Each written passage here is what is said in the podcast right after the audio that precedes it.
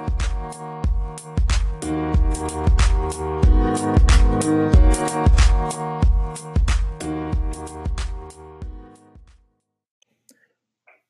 og velkommen til Ferdig snakka podkast, episode 8, uke 20.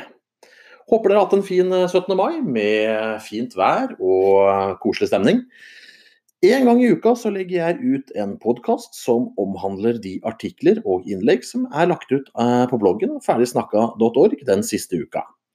Har du ikke tid til å lese bloggen, eller har du lyst til å høre mine kommentarer og innspill til det jeg har skrevet, er det bare å følge med på podkasten her. Her gjør jeg som på bloggen, jeg kaller en spade en spade og skyter fra hofta når det passer seg. Alt jeg eh, sier eh, virker sikkert ikke like lurt der og da, men når du har fått tenkt deg litt om, vil du oppdage at jeg har rett, og at det, er, eh, at det jeg sier faktisk er jævlig smart. Bare vent, så skal du se. Mitt navn er Espen Fridtjofsen, og jeg håper du vil være med meg på ukens høydepunkter. Du finner meg også på Facebook, Twitter, Instagram og MeWe om du søker på Ferdig snakka der. Da fyrer vi opp tidsmaskinen, og så begynner vi på begynnelsen av uka. Vi starter eh, dagens gjennomgang med eh, en artikkel om turister som svikter Runde, dette fuglefjellet. Noe som jo er godt nytt for fuglene, og dårlig nytt for turistnæringen. Dagblad, Dagbladet skriver at uh, turistene avbestiller turer til fugleøya Runde etter at det i media har dukket opp uh, bilder av fuglene som bygger reirene sine av plast og menneskeskapt søppel. Livets realiteter vil jo turistene tross alt ikke se. Uh, dette er krise for turistnæringen. Turistnæringen roper varsko og klager sin nød. Samtidig vet man at uh, turisme er en av de største bidragsyterne til forurensning uh, i verden. Uh, så det at turistene nå svikter runde, er jo surrealistisk nok et bra miljøtiltak. Fuglene tror jeg også har godt av å få litt fred, så noe positivt kommer det jo også ut av en ellers tragisk situasjon. Eh, lommeboka til de som tjener seg rike på fuglene, tror jeg ingen bryr seg så veldig mye om.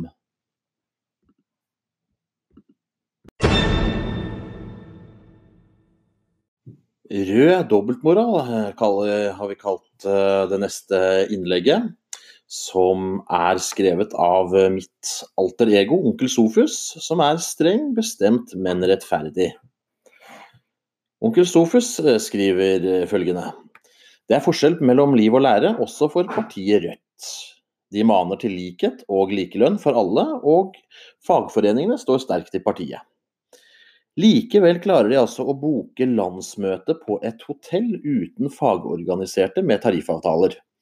Dette er jo bare en smaksprøve på dobbeltmoralen i de kretser. De ser ut til å systematisk velge leverandører uten tariffavtale, til sine arrangementer for å spare en slant. Dette er altså partiet som skal redde deg og meg fra kapitalismens grådige klør. Eh, frekkhetens nådegave har de også. Rødt, eh, Rødts fagforeningsveteran Boje Ullmann fikk eh, tilsnakk av hotelldirektøren da han vervet LO-medlemmer blant de ansatte på partiets landsmøtehotell, angivelig for å rette opp i feilen de har gjort.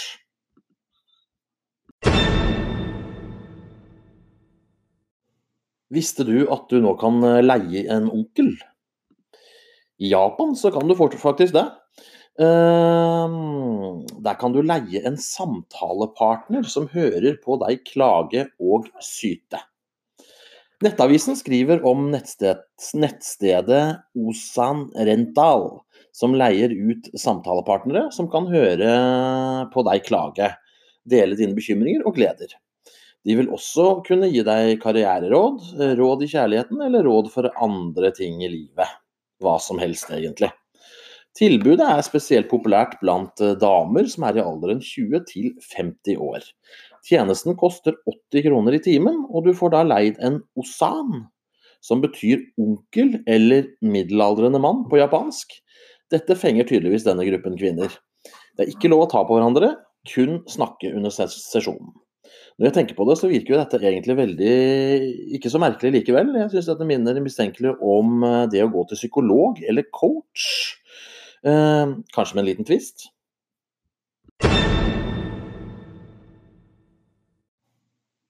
Så har jeg en liten announcement. Jeg er litt stolt, for jeg har fått mitt uh, første leserinnlegg, eller artikkel, uh, publisert på et av de store mediehusene, Nettavisen. De har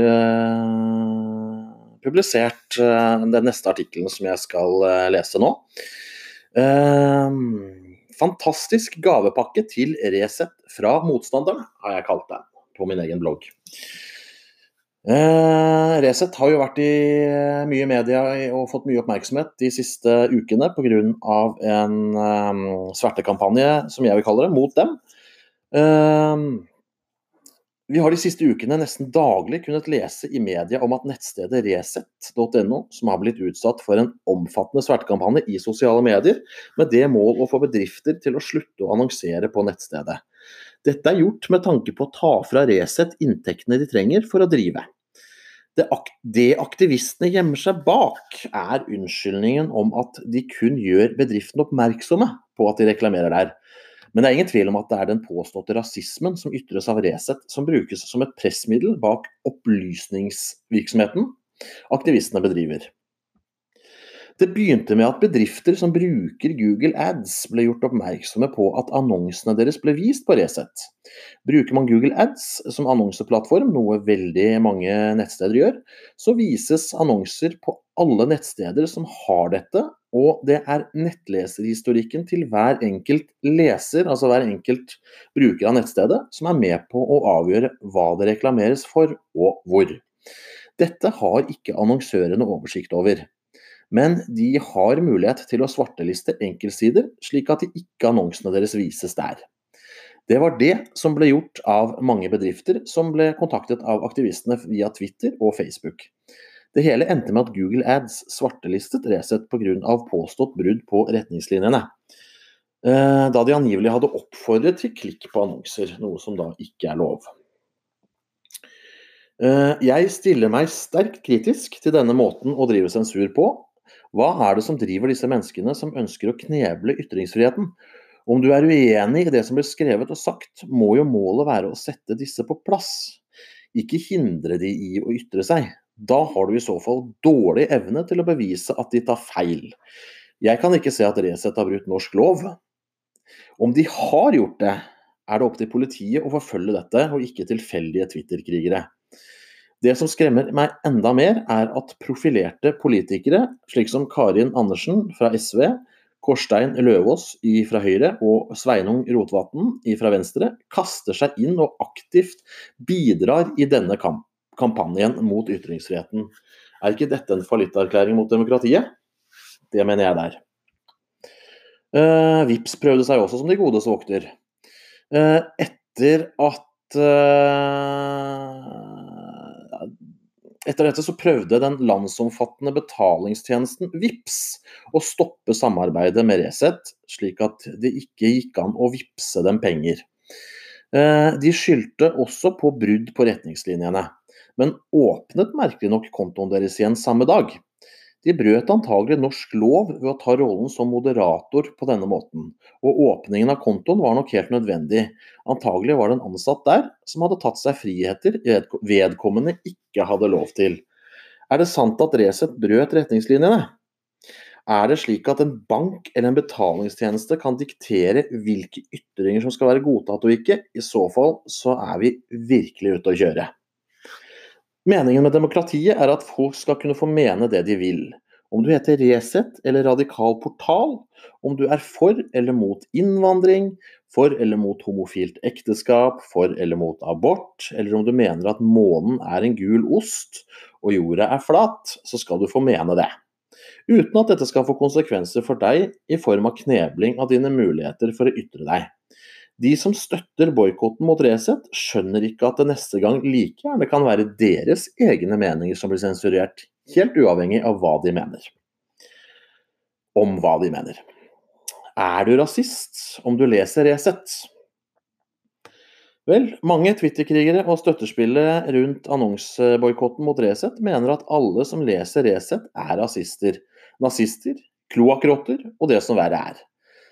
Dette med full støtte fra profilerte politikere, som tidligere nevnt. Eh, hvis dette stemmer, så må jo også følgende påstander stemme.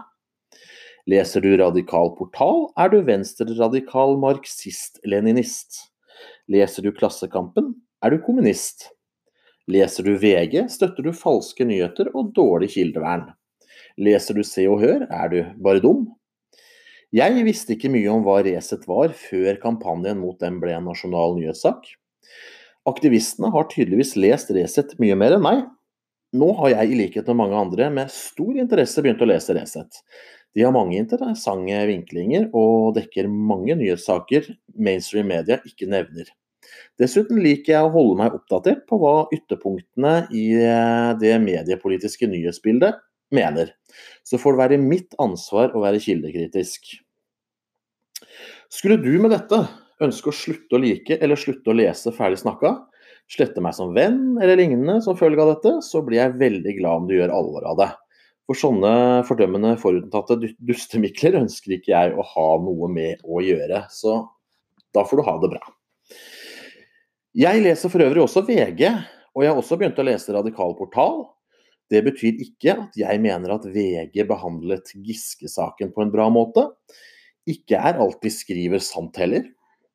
Eh, Radikal portal har mange interessante vinklinger på nyhetssaker, der jeg ikke nødvendigvis er enig i konklusjonen. Eh, de er vel Resets rake motsetning, og som sagt så liker jeg å få med meg ytterpunktene. Kommentarfeltene ser jeg sjelden på i noen av mediene jeg leser. Eh, disse er fulle av hatmeldinger og usakligheter, og uavhengig av om det er VG, Resett, Radikal portal eller andre medier. Så at, så altså at argumenteres med at kommentarfeltene til Resett er fulle av hatefulle ytringer, kan nok kanskje stemme, men det er ikke verre der enn hos andre. Uh, skal vi følge retorikken til de som prøver å stenge Resett, og som har uttalt seg om hva Resett sine lesere er, så er jeg en dum, nazistkommunistisk, høyreekstrem, marxist-leninistisk kloakkrotte. Der er det meg. Aksjonen som uh, slo tilbake, det er jo ingen tvil om at uh, de som har aktivt gått inn for boikott av Resett, kun har oppnådd det motsatte. De har fungert som Resets uh, nyttige idioter, ifølge en artikkel i Nettavisen, som ifølge noen også er et høyreekstremt medie. har aksjonen, aksjonen gitt klirrende mynt i kassa hos Resett, og lesertallene har gått i været. Dette viser vel bare at dialog og debatt er, bedre, er, et mye bedre virkemiddel når man er uenig i hva som blir sagt og gjort, enn forsøk på knebling og utestengning. Eh, skitne angrep samt å sparke folk som ligger nede, skaper sympati uansett hvem du er eller hva du mener. Det er jo også litt ironisk at motstanderne av Resett i det ene øyeblikket kaller nettstedet en ubetydelig blogg, mens de i neste øyeblikk setter alle kluter til for å bekjempe et media som hevder at uh, de sprer rasisme. Uh, er fanden sjøl, og som må stoppes for enhver pris. Det gjelder å bestemme seg for hva man egentlig mener, da. At noen aksjonister nå har gått til det skritt å henge ut og navngi annonsører som aktivt støtter Resett, og på den måten gjør akkurat det samme som man anklager Resett for å ha gjort, viser en dobbeltmoral uten sidestykke blant motstanderne.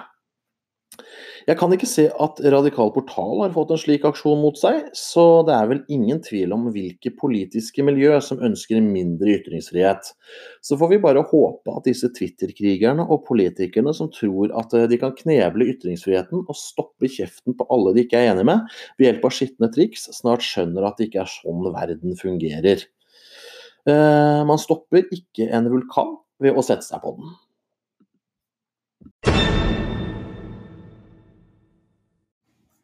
Norske flagg på 17. mai og integrering har jeg kalt min eh, neste artikkel. Denne ble publisert på 17. mai. Jeg håper alle sammen har hatt en fin 17. mai. Ehm, det var et fantastisk vær stort sett over hele landet, så vidt jeg har fått med meg. Og det er lenge siden det har vært så, så bra. Eh, jeg er glad i landet mitt, og jeg synes det norske flagget er det fineste i verden. Eh, vi har verdens fineste nasjonalsang, og 17. mai er verdens fineste nasjonaldag. Ingen land i verden kan måle seg med vårt lands grunnlovsdag. Hvert eneste år dukker det opp den samme diskusjonen om flaggregler. Noen ønsker alle typer flagg velkommen, andre vil gjøre det straffbart å gå med en annen nasjons flagg denne, eh, denne dagen. Hele debatten er etter min mening idiotisk. Eh, jeg foretrekker at folk går med det norske flagget, men å gjøre det straffbart å ta med sin egen nasjons flagg, blir å stikke pinner i siden på en dag som skal være en inkluderende festdag både for barn og voksne.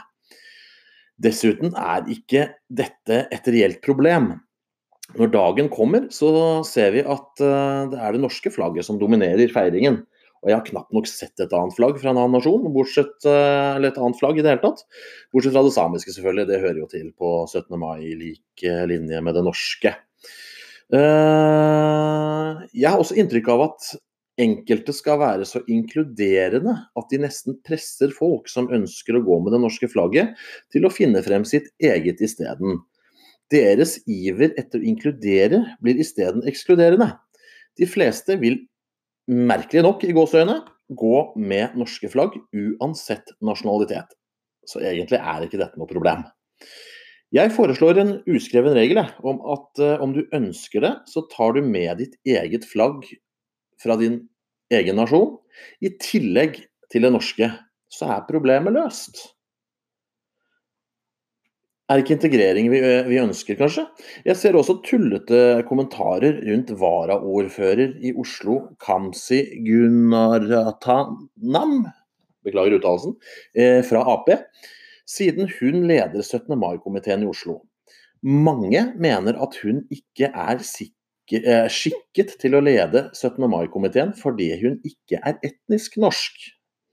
Blant annet så skrev Inger Marie Ytterhorn fra Frp følgende på Facebook om eh, Guratanam sin deltakelse. Litt spesielt at det stadig er innvandrere som skal lede 17. mai-komiteen. Skulle tro at, etnisk, eh, at etnisk norske med kronisk norsk bakgrunn ville være bedre skikket til akkurat dette vervet. Eh, bare å ta med at Frp sentral tok sterk avstand fra dette utspillet. Når folk klager på manglende integrering i Norge, så burde de jo i høyeste grad sette pris på Gunaratanam sitt engasjement. Eh, er ikke dette et prakteksempel på integrering, så vet ikke jeg. Hvordan skal personer med en ikke-etnisk norsk bakgrunn kunne integrere seg om de skal nektes å delta i norske tradisjoner? Det er jo det som er integrering. Eh, men dessverre så blir det feil uansett for noen. Skjerp dere!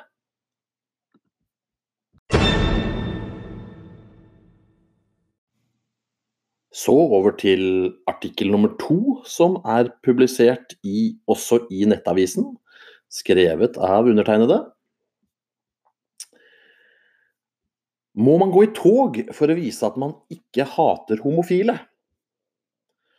Det har stormet rundt barne- og familieminister Kjell Ingolf Ropstad eh, fra Kristelig Folkeparti helt siden han fikk ministerposten, siden han ikke ønsker å delta i Pride-paraden.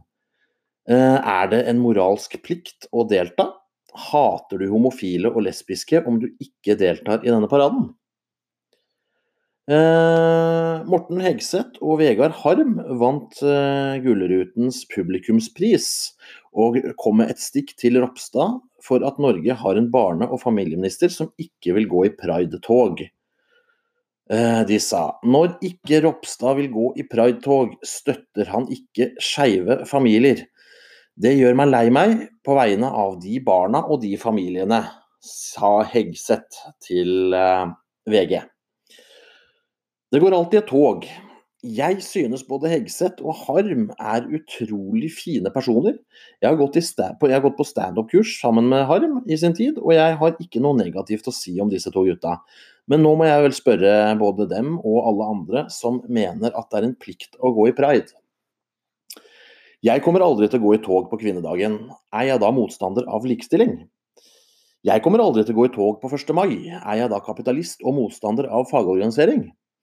Jeg kommer aldri til å gå i pride-tog. Er jeg da i deres øyne en homohater? I så fall er jeg sterkt uenig. Jeg har ingenting imot lesbiske og homofile, men jeg har heller ingen sterke følelser for eller imot normale legninger. Jeg støtter heterofile og homofile helt likeverdige, og jeg føler ikke at jeg trenger å gå i noe tog for å understreke dette. Det synes jeg ikke barne- og familieministeren trenger heller, å gjøre heller. Det er jobben han gjør som minister som må måles, ikke viljen hans til å gå i tog. Da dømmes han på feil grunnlag. Dessuten så er ikke pride for alle. Jeg synes personlig at Pride-paraden er vulgær og unødvendig sexfiksert, og jeg føler meg ikke bekvem i en slik setting. Det farger ingen av mine meninger om lesbiske og homofile. Dessuten har organisasjonen Pride politiske holdninger som man ikke nødvendigvis kan støtte.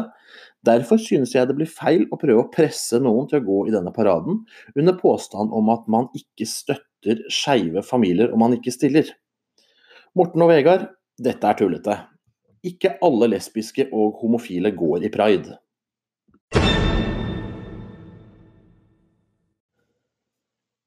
Prinsesse Märtha har jo funnet seg en ny kjæreste, en uh, sjaman.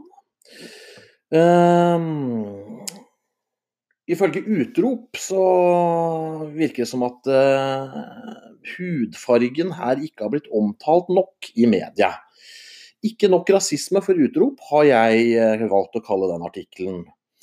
Eh, det var tilsynelatende et problem for tidsskriftet Utrop at ikke hudfarge var nevnt som et tema av noen medier i forbindelse med dekningen av saken rundt prinsesse Märtha Louise og sjaman Durek Verrett. Hva er forklaringen på at ingen redaksjoner omtaler hudfargen til Märthas nye kjæreste, spør uh, Utrop.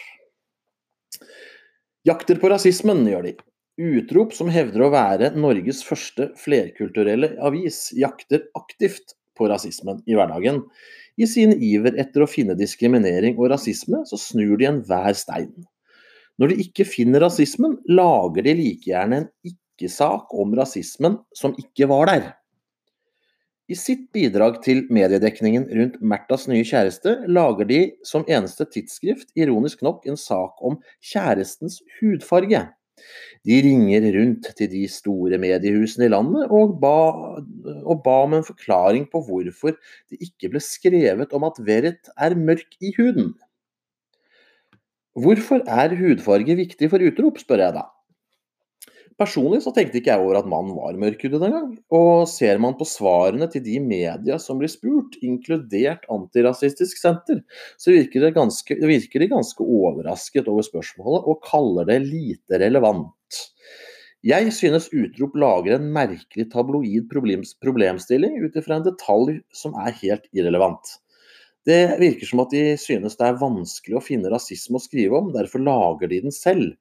Det er ironisk, men ikke uvanlig at de som kjemper aktivt mot rasismen, ender opp med å være rasister selv.